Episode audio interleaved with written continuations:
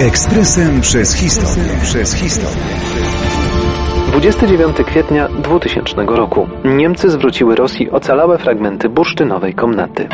Podczas II wojny światowej państwo niemieckie prowadziło rabunek na ogromną skalę. Każdy okupowany przez Niemców kraj tracił bezcenne zabytki i dzieła sztuki, często bezpowrotnie.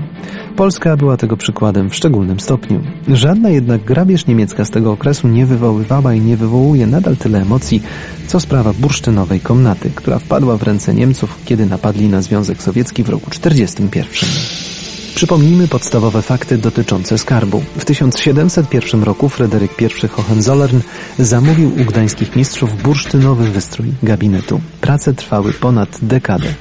Kiedy odwiedzając Prusy dzieło ujrzał car Rosji Piotr I, zachwycił się nim tak bardzo, że Fryderyk Wilhelm podarował je carowi jako dowód przyjaźni i porozumienia. Najpierw podarek trafił do Petersburga, gdzie jeszcze go rozbudowano, a potem za sprawą decyzji carowej Elżbiety aż do rezydencji w carskim Siole. Kiedy w roku 41 dotarli tu Niemcy, zaczęli demontaż skarbu, a latem kolejnego roku zaczęli jego wywożenie. Jako pierwsze miejsce złożenia łupu wybrali gotycki zamek w Królewcu.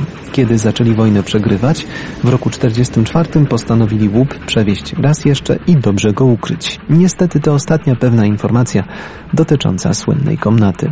Ileż razy na przestrzeni lat historycy i poszukiwacze byli pewni, że oto trafili na właściwy trop. Za każdym razem jednak okazywał się on drogą donikąd. Skarbu szukali i Rosjanie, i Polacy, szukano nawet pomocy u jasnowidzów i radiestetów. Wszystko na próżno. Nieznaczne fragmenty Niemcy zwrócili Rosji w roku 2000.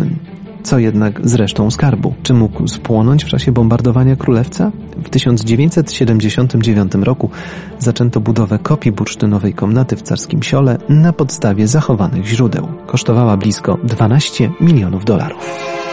Ekspresem przez historię. Przez historię.